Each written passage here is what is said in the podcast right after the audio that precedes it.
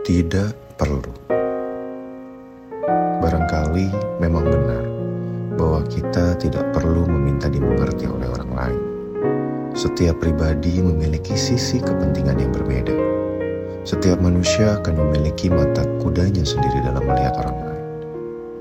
Orang lain pun terhadap kita. Gak perlu berusaha payah membuat mereka mengerti.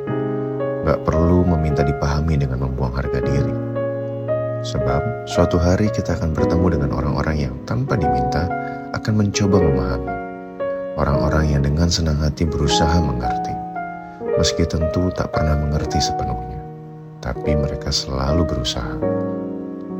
Suatu hari kita akan bertemu dengan orang yang selalu mempertanyakan perihal keadaan kita yang sebenarnya bukan sekedar yang dapat dilihat oleh mata. Bahkan kita tak perlu mencari, sebab mereka akan datang sendiri. Berhentilah meminta dimengerti. Berjalanlah dengan penuh harga diri. Good night and have a nice dreams.